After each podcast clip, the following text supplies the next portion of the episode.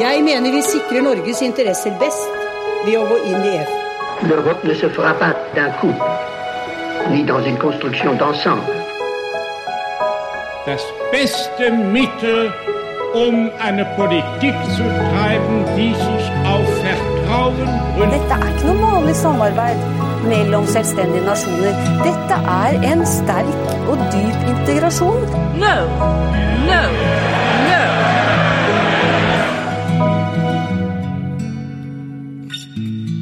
Velkommen til Det europeiske kvarter, en podkast om europeisk politikk og historie. Og her i studio sitter Lise Rye og meg, Kristine Graneng, og vi jobber begge på programmet for europastudier på NTNU.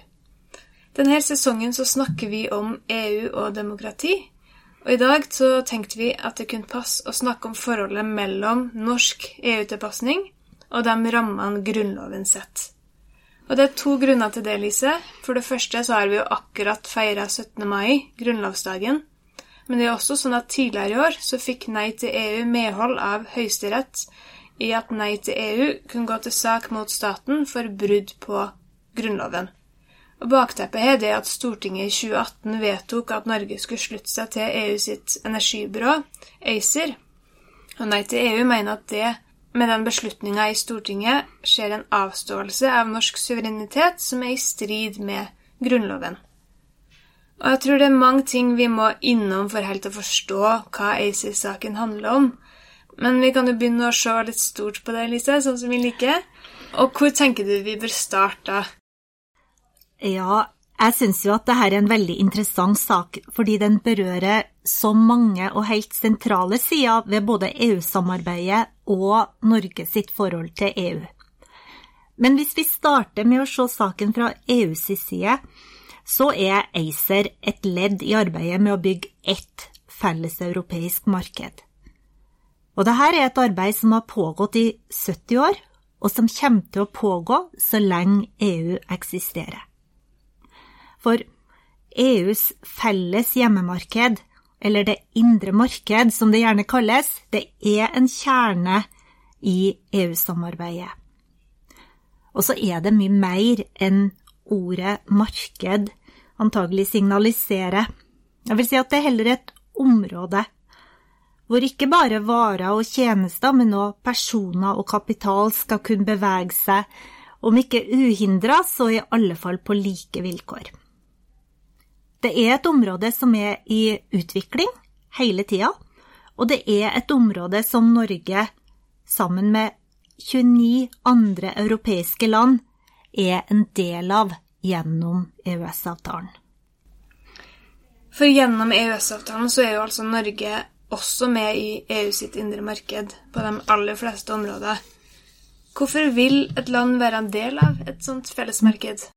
Av mange grunner, tenker jeg, litt avhengig av når i fellesmarkedets historie du befinner deg. Men hvis vi konsentrerer oss om den mest intensive fasen i arbeidet med å etablere dette markedet, som var på første halvdel av 1980-tallet, så er det ingen tvil om at ønsket om økt konkurransekraft, det var en veldig sterk drivkraft. For tenk på et kart. Et verdenskart. Europa er et lappeteppe av små land som konkurrerer med store land som USA og Kina.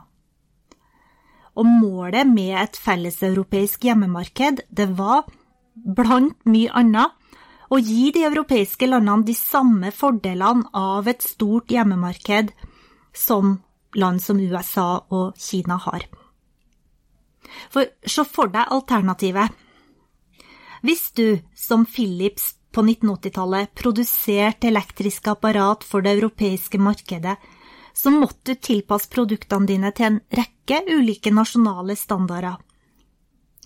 Og du vil kanskje fortsatt oppleve at du får bruk for en adapter når du er på reise i Europa og skal lade telefonen din, men med det indre marked så har veldig mange av de handelshindringene som en gang eksisterte mellom europeiske land, blitt bort.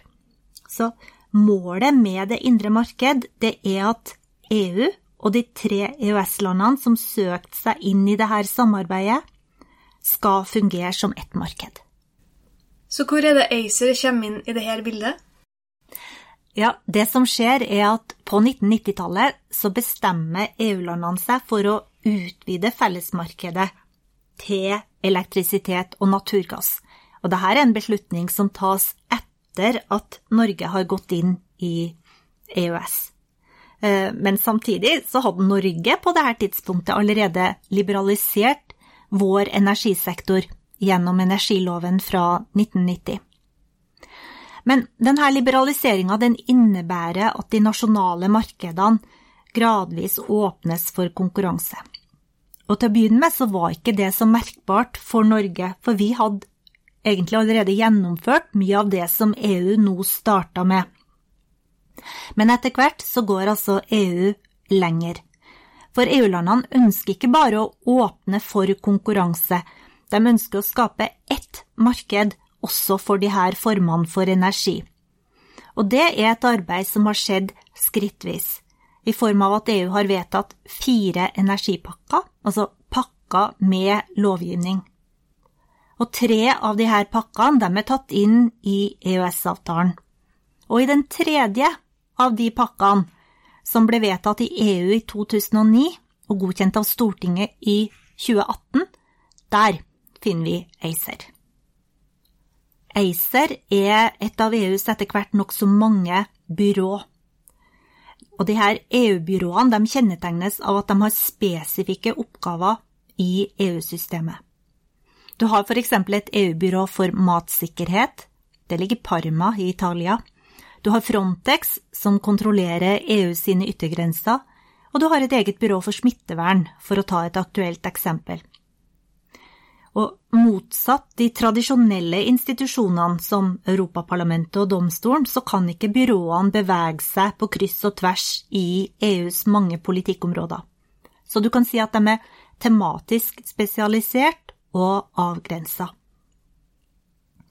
ACER, som holder til i Slovenia, det skal bidra til å sikre at det felleseuropeiske markedet for naturgass og elektrisitet fungerer.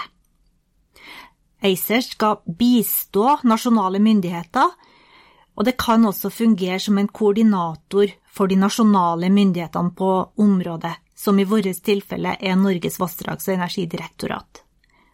Så ACER gir råd, de kommer med anbefalinger, men ACER kan også ta beslutninger som er bindende for deltakerne i spørsmål knytta til grensekryssende infrastruktur. Og da nærmer vi oss stridens kjerne. For det betyr at Norge har avstått suverenitet til ACER, som er en del av EU. Og nei til EU sin påstand, og de er ikke alene om å ha det synet, er at Stortingets godkjenning av EUs tredje energipakke ble tatt på feil grunnlag, og at det derfor må kjennes ugyldig. Hva er det da Nei til EU mener er feil med Stortinget sitt vedtak? På hvilket grunnlag ble det tatt? Jo, Nei til EU mener at Stortinget har behandla denne saken på feil grunnlag. Og da må vi over på Grunnloven. Da vi fikk vår grunnlov i 1814, så inneholdt den et forbud mot suverenitetsavståelse. Grunnlovens paragraf 1 sa at det norske riket er et fritt, selvstendig, udelelig og uavhendelig rike. Og når jeg er usikker på hva et ord betyr, så bruker jeg å slå det opp i Det norske akademis ordbok. Hvis du slår opp avhende, finner du at det som regel brukes om å selge eller overdra noen ting.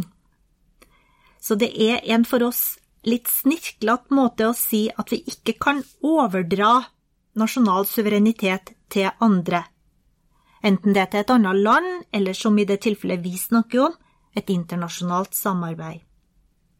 Grunnlovens paragraf 1 den er som den var, den sier fortsatt at Norge er uavhendelig.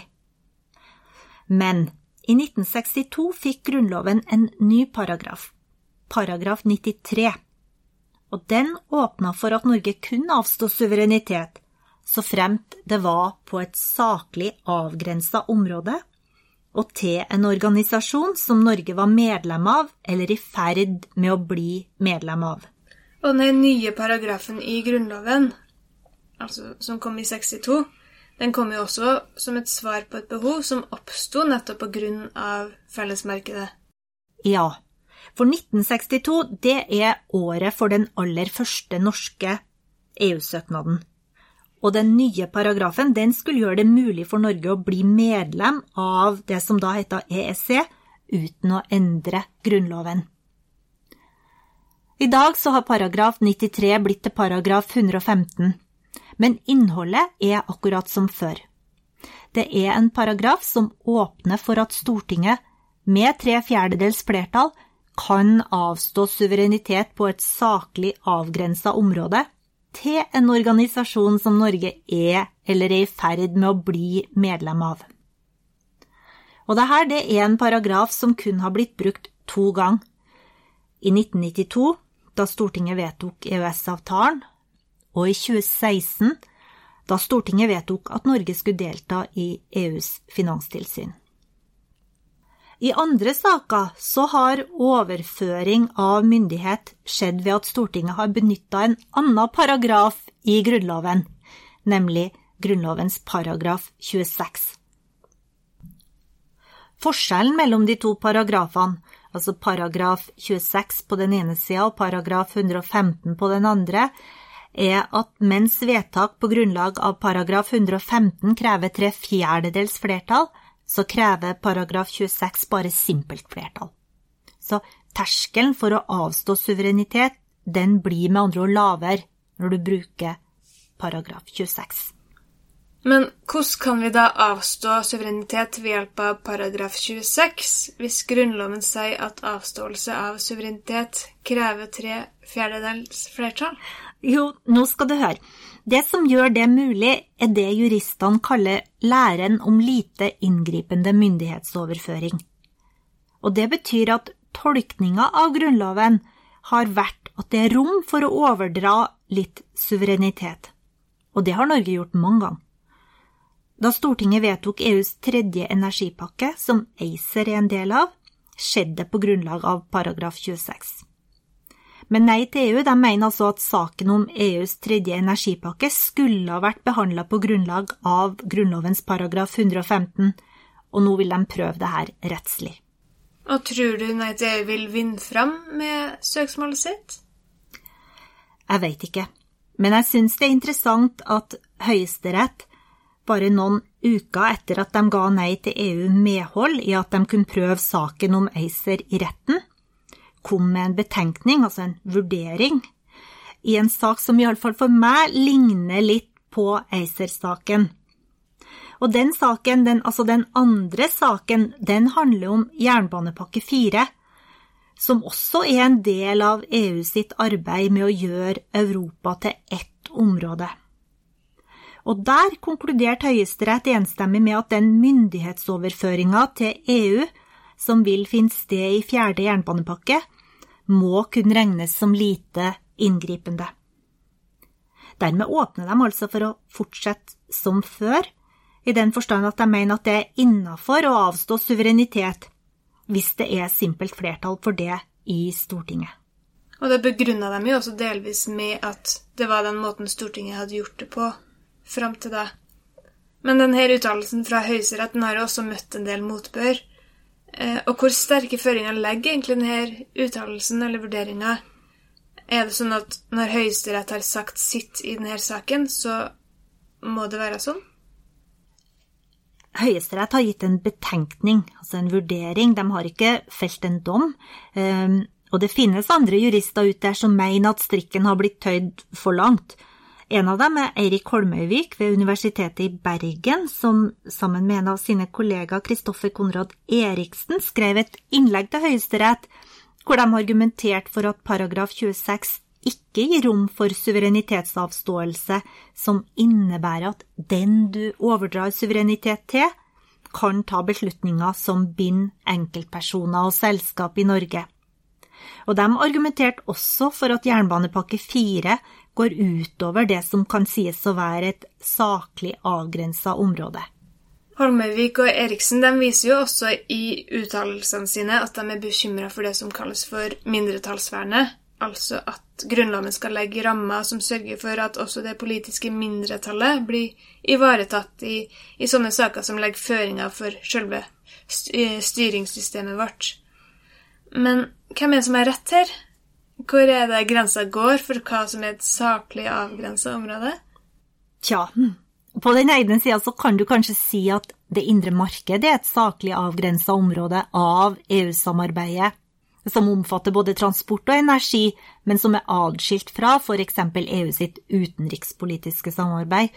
Men på den andre sida så er det ikke tvil om at det indre marked har blitt et enormt omfattende samarbeid, veldig mye mer omfattende enn hva det var i 1992, da EØS-avtalen ble vedtatt. Jeg syns nok at det er noen ting som skurrer her, og det som skurrer for meg, er at vi avstår suverenitet til EU, og ikke til EFTA, som vi er medlem av. Det handler ikke om hvorvidt ACER og ERA, som er EU sitt jernbanebyrå, er hensiktsmessige verktøy hvis man vil ha et felles marked og være en del av et felles marked. Det tror jeg de er. Det handler om forholdet til Grunnloven, som sier at vi bare kan avstå suverenitet til organisasjoner som vi er medlem av, eller i ferd med å bli medlem av. Og Norge er ikke i ferd med å bli medlem av EU.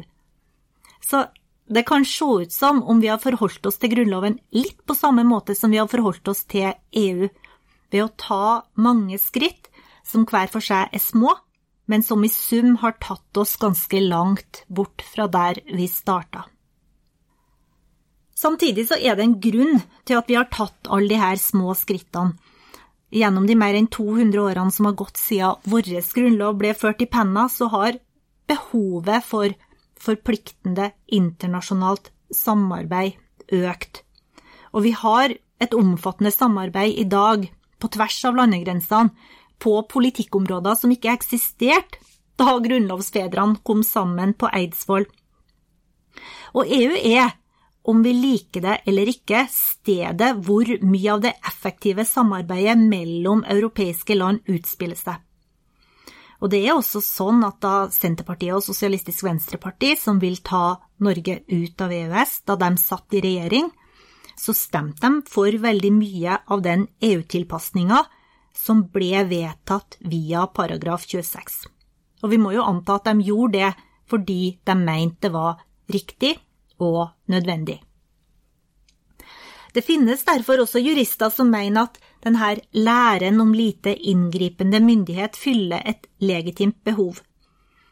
En av dem er Fredrik Seierstedt, som leda Europautredninga i sin tid, og som i dag er regjeringsadvokat. Fredrik Seierstedt han skriver at det er rimelig at relativt små saker kan avgjøres av et vanlig flertall på Stortinget og at det ville være ryddig om kriteriet om lite inngripende myndighetsoverføring ble tatt inn i Grunnloven. For det står altså ikke i Grunnloven i dag? Nei, det gjør det ikke. Men hva sier denne saken om forholdet mellom jus og politikk? Nei, si det. I spørsmålet om jernbanepakke 4 var det Stortinget som vedtok å be om Høyesterett sin vurdering. Og på den ene sida så skjønner jeg hvorfor dem som ønsker å begrense norsk EU-tilpasning, går til Høyesterett. For hvis Høyesterett hadde gjort en annen vurdering, altså hvis Høyesterett hadde vurdert at det var i strid med Grunnloven å vedta jernbanepakke 4 med simpelt flertall, så ville vel det ha betydd slutten på det som har vært norsk praksis etter at vi gikk inn i EØS, hvor vi altså har avstått suverenitet til både EFTA og EU via paragraf 26. På den andre sida så syns jeg kanskje at Stortinget overlater et spørsmål til domstolene som Stortinget burde være i stand til å finne ut av sjøl. Det blir uansett veldig spennende å se hva som skjer når saken om ACER kommer opp for retten. For I vurderinga av jernbanepakke fire så sendte jo egentlig i stor grad Høyesterett saken tilbake til Stortinget. Og det er jo en sak, forholdet mellom Norge sin tilpasning til EU og Grunnloven det er noe som har blitt diskutert gjennom hele den perioden Norge har vært med i EØS, og jeg tviler på at debatten blir lagt død, iallfall med det første. Og når denne saken kommer opp for retten, Lise, så får vi vel bare benke oss med popkorn? Og antagelig så ligger rettssaken et stykke fram i tid ennå, men det er iallfall en veldig viktig prinsipiell sak for forholdet Norge har til EU, som skal opp i retten etter hvert.